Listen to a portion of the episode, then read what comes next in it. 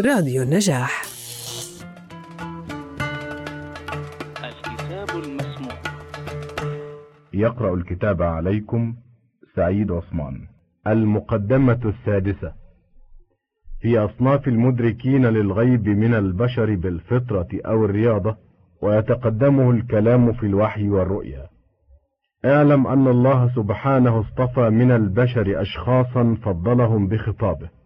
وفطرهم على معرفته وجعلهم وسائل بينه وبين عباده يعرفونهم بمصالحهم ويحرضونهم على هدايتهم ويأخذون بحجزاتهم عن النار أي يصرفونهم عنها ويدلونهم على طريق النجاة.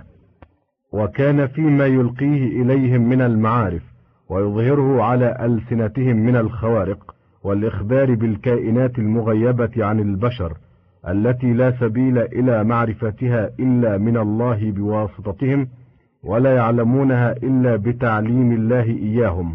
قال صلى الله عليه وسلم ألا وإني لا أعلم إلا ما علمني الله. واعلم أن خبرهم في ذلك من خاصيته وضرورته الصدق لما يتبين لك عند بيان حقيقة النبوة. وعلامة هذا الصنف من البشر أن توجد لهم في حال الوعي غيبة عن الحاضرين معهم مع غطيط كأنها غش أو إغماء في رأي العين وليست منها في شيء وإنما هي في الحقيقة استغراق في لقاء الملك الروحاني بإدراكهم المناسب لهم الخارج عن مدارك البشر بالكلية. ثم يتنزل إلى المدارك البشرية إما بسماع دوي من الكلام فيتفهمه أو يتمثل له صورة شخص يخاطبه بما جاء به من عند الله ثم تنجلي عنه تلك الحال وقد وعى ما ألقي إليه. قال صلى الله عليه وسلم وقد سئل عن الوحي أحيانا يأتيني مثل صلصلة الجرس وهو أشده علي فيفصم عني أي يفارقني وقد وعيت ما قال. وأحيانا يتمثل للملك رجلا فيكلمني فأعي ما يقول ويدركه أثناء ذلك من الشدة والغط ما لا يعبر عنه. ففي الحديث كان يعالج من التنزيل شدة وقالت عائشة كان ينزل عليه الوحي في اليوم الشديد البرد فيفصم عنه وإن جبينه لا تفصد عرقا. وقال تعالى إنا سنلقي عليك قولا ثقيلا. من سورة المزمل الآية الخامسة. ولأجل هذه الغاية في تنزل الوحي كان المشركون يرمون الأنبياء بالجنون ويقولون له رأي أو تابع من الجن. وإنما لبس عليهم بما شاهدوه من ظاهر تلك الأحوال. ومن يضلل الله فما له من هاد. سورة الزمر الآية السادسة والثلاثون. ومن علاماتهم أيضا أنه يوجد لهم قبل الوحي خلق الخير والزكاء ومجانبة المذمومات والرجس أجمع. وهذا هو معنى العصمة وكأنه مفطور على التنزه عن المذمومات والمنافرة لها وكأنها منافية لجبلته.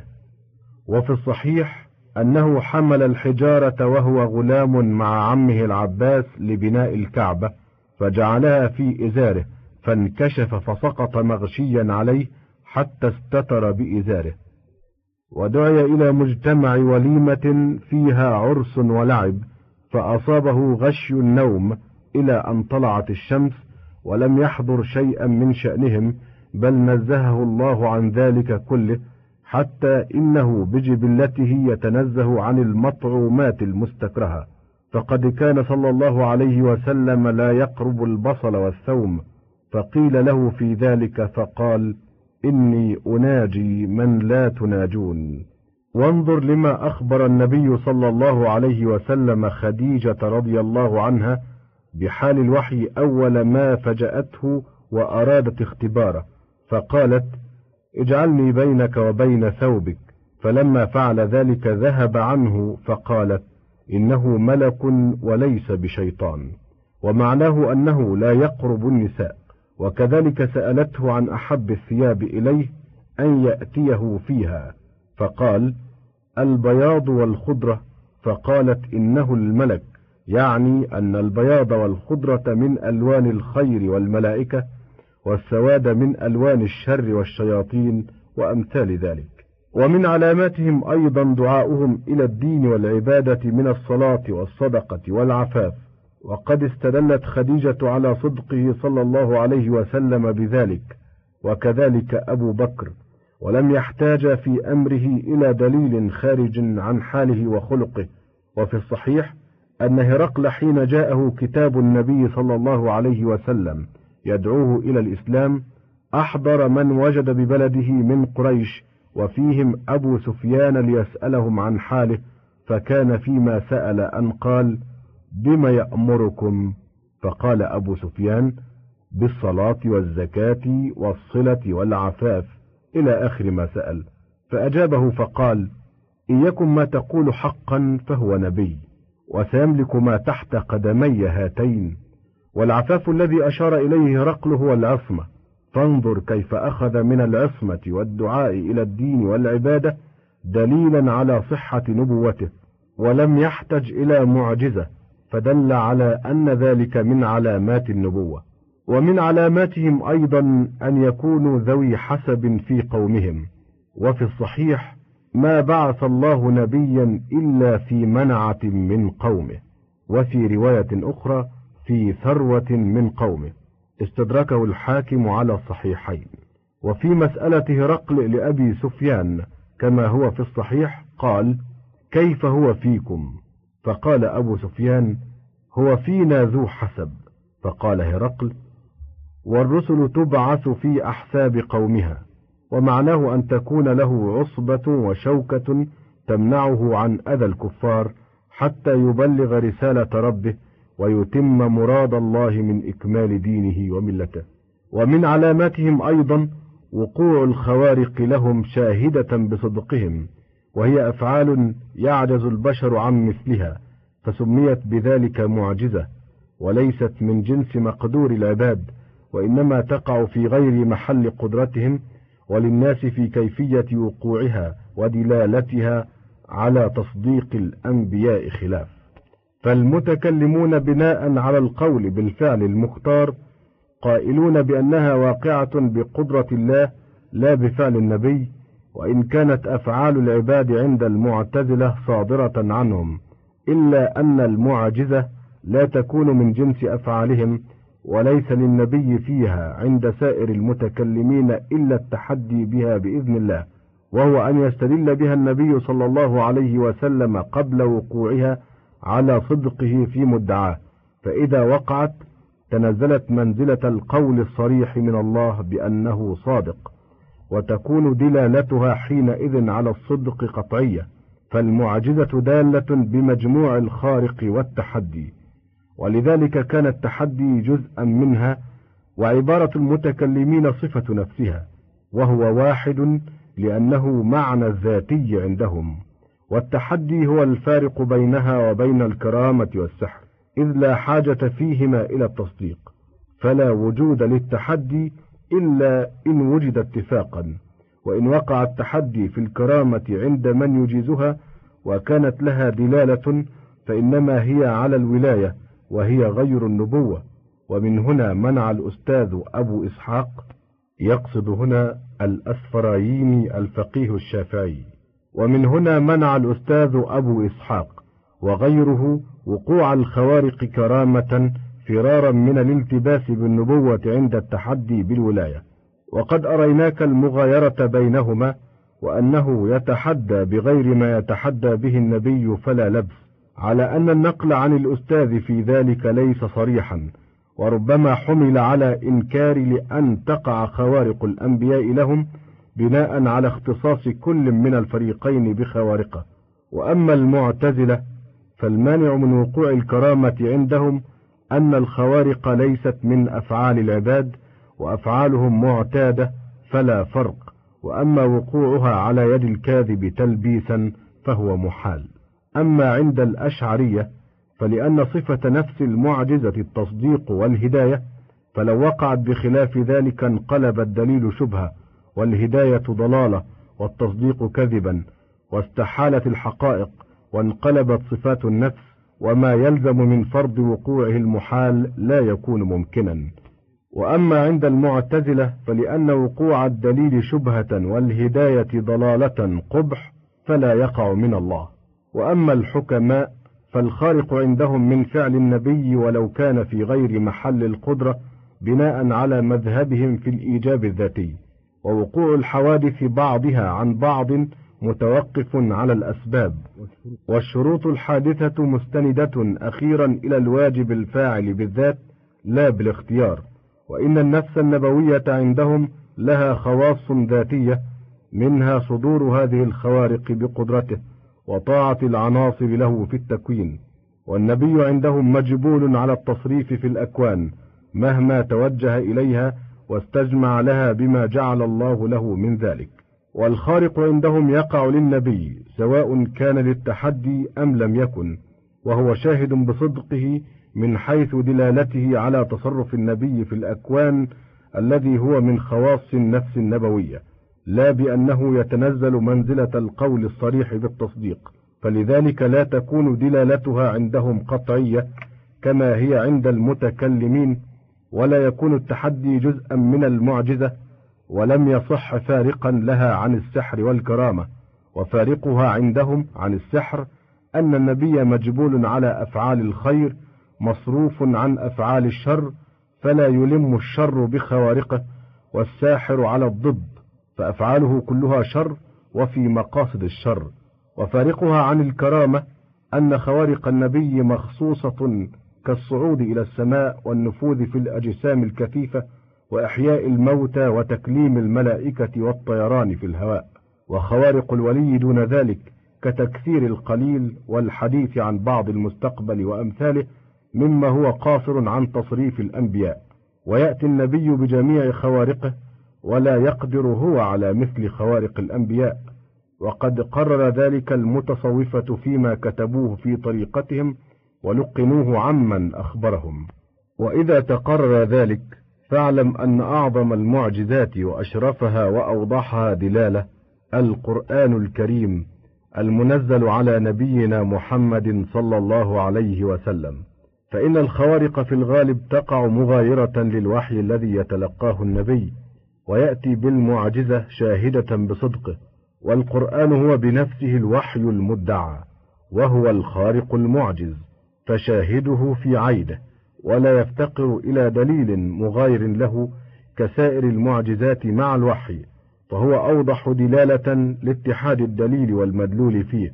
وهذا معنى قوله صلى الله عليه وسلم ما من نبي من الأنبياء إلا وأوتي من الآيات ما مثله آمن عليه البشر وإنما كان الذي أوتيته وحيا أوحي إلي فأنا أرجو أن أكون أكثرهم تابعا يوم القيامة. يشير إلى أن المعجزة متى كانت بهذه المثابة في الوضوح وقوة الدلالة وهو كونها نفس الوحي كان الصدق لها أكثر لوضوحها فكثر المصدق المؤمن وهو التابع والأمة. ولنذكر الآن تفسير حقيقة النبوة على ما شرحه كثير من المحققين. ثم نذكر حقيقة الكهانة. ثم الرؤيا ثم شأن العرافين. وغير ذلك من مدارك الغيب فنقول اعلم أرشدنا الله وإياك أن نشاهد هذا العالم بما فيه من المخلوقات كلها على هيئة من الترتيب والإحكام وربط الأسباب بالمسببات واتصال الأكوان بالأكوان واستحالة بعض الموجودات إلى بعض. لا تنقضي عجائبه في ذلك. ولا تنتهي غايته. وأبدأ من ذلك بالعالم المحسوس الجثماني. وأولا عالم العناصر المشاهدة كيف تدرج صاعدا من الأرض إلى الماء ثم إلى الهواء ثم إلى النار متصلا بعضها ببعض وكل واحد منها مستعد إلى أن يستحيل إلى ما يليه صاعدا وهابطا. ويستحيل بعض الأوقات. والصاعد منها ألطف مما قبله إلى أن ينتهي إلى عالم الأفلاك وهو ألطف من الكل على طبقات اتصل بعضها ببعض على هيئة لا يدرك الحس منها إلا الحركات فقط وبها يهتدي بعضهم إلى معرفة مقاديرها وأوضاعها وما بعد ذلك من وجود الذوات التي لها هذه الآثار فيها. ثم انظر إلى عالم التكوين كيف ابتدأ من المعادن ثم النبات ثم الحيوان على هيئة بديعة من التدريج وآخر أفق المعادن متصل بأول أفق النبات مثل الحشائش وما لا بذر له. وآخر أفق النبات مثل النخل والكرم متصل بأول أفق الحيوان مثل الحلزون والصدف ولم يوجد لهما إلا قوة اللمس فقط. ومعنى الاتصال في هذه المكونات أن آخر أفق منها مستعد بالاستعداد الغريب وفي بعض النسخ بالاستعداد القريب. مستعد بالاستعداد الغريب لأن يصير أول أفق الذي بعده واتسع عالم الحيوان وتعددت أنواعه وانتهى في تدريج التكوين إلى الإنسان صاحب الفكر والروية. ترتفع إليه من عالم القدرة الذي اجتمع فيه الحس والإدراك ولم ينتهي إلى الروية والفكر بالفعل. وكان ذلك أول أفق الإنسان بعده وهذا غاية شهودنا. ثم إنا نجد في العوالم على اختلافها آثارا متنوعة. ففي عالم الحس آثار من حركات الأفلاك والعناصر وفي عالم التكوين آثار من حركة النمو والإدراك تشهد كلها بأن لها مؤثرا مباينا للأجسام فهو روحاني واتصل بالمكونات لوجود اتصال هذا العالم في وجودها ولذلك هو النفس المدركة والمحركة ولا بد فوقها من وجود آخر يعطيها قوى الإدراك والحركة. واتصل بها أيضا ويكون ذاته إدراكا صرفا وتعقلا وهو محضا عالم الملائكة. فوجب من ذلك أن يكون للنفس استعداد للانسلاخ من البشرية إلى الملكية ليصير بالفعل من جنس الملائكة وقتا من الأوقات في لمحة من اللمحات وذلك بعد أن تكمل ذاتها الروحانية بالفعل كما نذكره بعد. ويكون لها اتصال بالأفق الذي بعدها شأن الموجودات المرتبة كما قدمناه فلها في الاتصال جهة العلو والسفل وهي متصلة بالبدن من أسفل منها وتكتسب به المدارك الحسية التي تستعد بها للحصول على التعقل بالفعل ومتصلة من جهة الأعلى منها بأفق الملائكة ومكتسبة به المدارك العلمية والغيبية فإن عالم الحوادث موجود في تعقلاتهم من غير زمان وهذا على ما قدمناه من الترتيب المحكم في الوجود باتصال ذواته وقواه بعضها ببعض. ثم إن هذه النفس الإنسانية غائبة عن العيان وآثارها ظاهرة في البدن فكأنه وجميع أجزائه مجتمعة ومفترقة آلات للنفس ولقواها. أما الفاعلية فالبطش باليد والمشي بالرجل والكلام باللسان والحركة الكلية بالبدن متدافعا. أما المدركة وإن كانت قوى الإدراك مرتبة ومرتقية إلى القوة العليا منها وهي المفكرة التي يعبر عنها بالناطقة فقوى الحس الظاهرة بآلاته من السمع والبصر وسائرها يرتقي إلى الباطن وأوله الحس المشترك وهو قوة تدرك المحسوسات مبصرة ومسموعة وملموسة وغيرها في حالة واحدة. وبذلك فارقت قوة الحس الظاهر لأن المحسوسات لا تزدحم عليها في الوقت الواحد. ثم يؤدي الحس المشترك إلى الخيال وهي قوة تمثل الشيء المحسوس في النفس كما هو مجرد عن المواد الخارجة فقط. وآلة هاتين القوتين في تصريفهما البطن الأول من الدماغ مقدمه للأولى ومؤخره للثانية ثم يرتقي الخيال إلى الواهمة والحافظة فالواهمة لإدراك المعاني المتعلقة بالشخصيات كعداوة زيد وصداقة عمرو ورحمة الأب وافتراس الذئب والحافظة لإيداع المدركات كلها متخيلة وهي لها كالخزانة تحفظها لوقت الحاجة إليها وآلة هاتين القوتين في تصريفهما البطن المؤخر من الدماغ أوله للأولى ومؤخره للأخرى ثم ترتقي جميعها إلى قوة الفكر وآلته البطن الأوسط من الدماغ وهي القوة التي يقع بها حركة الرؤية والتوجه نحو التعقل فتحرك النفس بها دائما لما ركب فيها من النزوع للتخلص من درك القوة والاستعداد الذي للبشرية وتخرج إلى الفعل في تعقلها متشبهة بالملأ الأعلى الروحاني وتصير في أول مراتب الروحانيات في إدراكها بغير الآلات الجسمانية. فهي متحركة دائما ومتوجهة نحو ذلك وقد تنسلخ بالكلية من البشرية وروحانيتها إلى الملكية من الأفق الأعلى من غير اكتساب بل بما جعل الله فيها من الجبلة والفطرة الأولى في ذلك. والنفوس البشرية على ثلاثة أصناف صنف عاجز بالطبع عن الوصول فينقطع بالحركة إلى الجهة السفلى نحو المدارك الحسية والخيالية وتركيب المعاني من الحافظة والواهمة على قوانين محصورة وترتيب خاص. يستفيدون به العلوم التصورية والتصديقية التي للفكر في البدن وكلها خيالي منحصر نطاقه إذ هو من جهة مبدئه ينتهي إلى الأوليات ولا يتجاوزها وإن فسد فسد ما بعدها وهذا هو في الأغلب نطاق الإدراك البشري الجسماني وإليه تنتهي مدارك العلماء وفيه ترسخ أقدامهم. وصنف متوجه بتلك الحركة الفكرية نحو العقل الروحاني والإدراك الذي لا يفتقر إلى الآلات البدنية بما جعل فيه من الاستعداد لذلك فيتسع نطاق إدراكه عن الأوليات التي هي نطاق الإدراك الأول البشري. ويسرح في فضاء المشاهدات الباطنية وهي وجدان كلها لا نطاق لها من مبدئها ولا من منتهاها.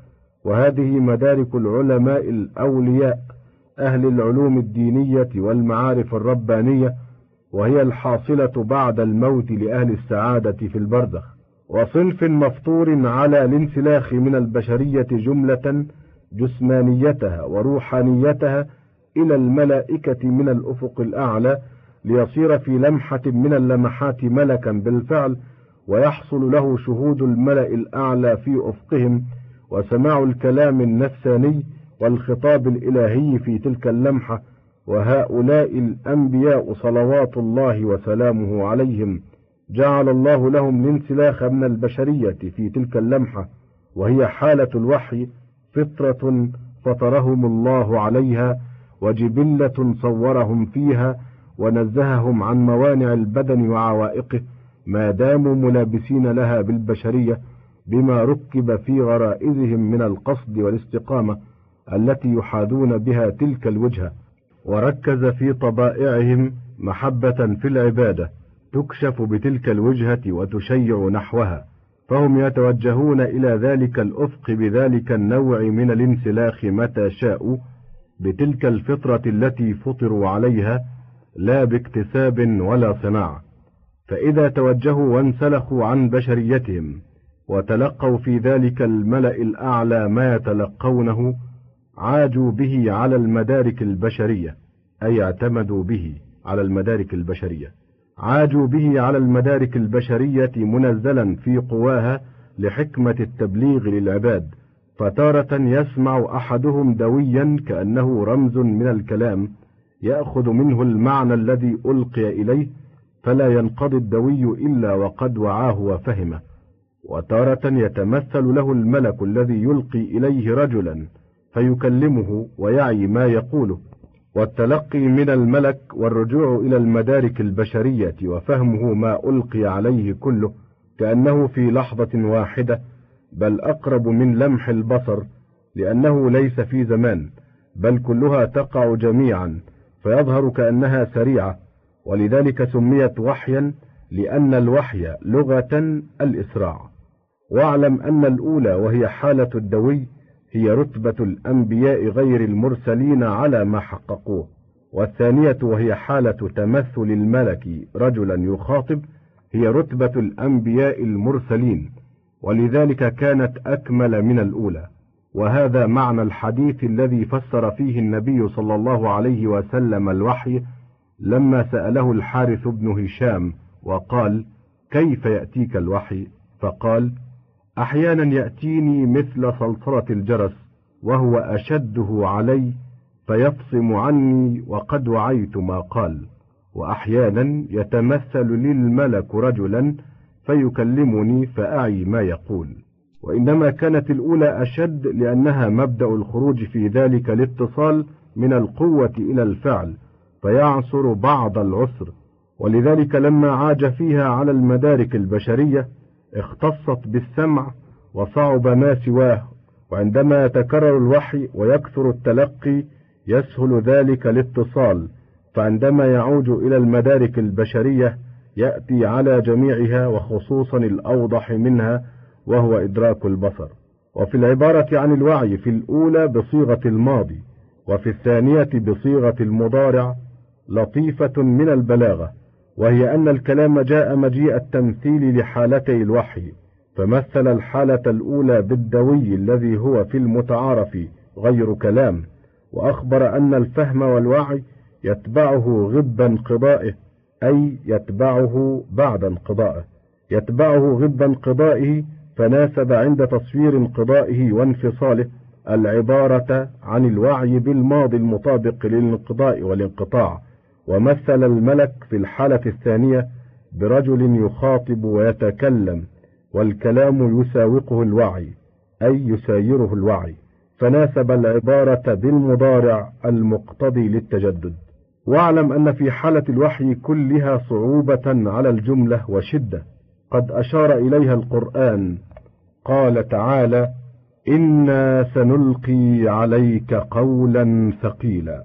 وقالت عائشة كان يعاني من التنزيل شدة وقالت كان ينزل عليه الوحي في اليوم الشديد البرد فيفصم عنه وإن جبينه لا تفصد عرقا. ولذلك كان يحدث عنه في تلك الحالة من الغيبة والغطيط ما هو معروف. وسبب ذلك أن الوحي كما قررنا مفارقة البشرية إلى المدارك الكلية وتلقي كلام النفس. فيحدث عنه شدة من مفارقة الذات ذاتها وانسلاخها عنها من أفقها إلى ذلك الأفق الآخر. وهذا هو معنى الغط الذي عبر به في مبدأ الوحي في قوله فغطني حتى بلغ مني الجهد ثم أرسلني فقال اقرأ فقلت ما أنا بقارئ وكذا ثانية وثالثة كما في الحديث وقد يفضي الاعتياد بالتدريج فيه شيئا فشيئا إلى بعض السهولة بالقياس إلى ما قبله ولذلك كان تنزل نجوم القرآن أي تنزل متفرقات القرآن ولذلك كان تنزل نجوم القرآن وسوره وآيه حين كان بمكة أقصر منها وهو بالمدينة. وانظر إلى ما نقل في نزول سورة براءة في غزوة تبوك وأنها نزلت كلها أو أكثرها عليه وهو يسير على ناقته بعد أن كان بمكة ينزل عليه بعض السورة من قصار المفصل في وقت وينزل الباقي في حين آخر. وكذلك كان آخر ما نزل بالمدينة آية الدين الآية 282 سورة البقرة. وهي ما هي في الطول بعد أن كانت الآية تنزل بمكة مثل آيات الرحمن والذاريات والمدثر والضحى والفلق وأمثالها واعتبر من ذلك علامة تميز بها بين المكي والمدني من السور والآيات والله المرشد إلى الصواب. قدمنا لكم من راديو النجاح برنامج الكتاب المسموع.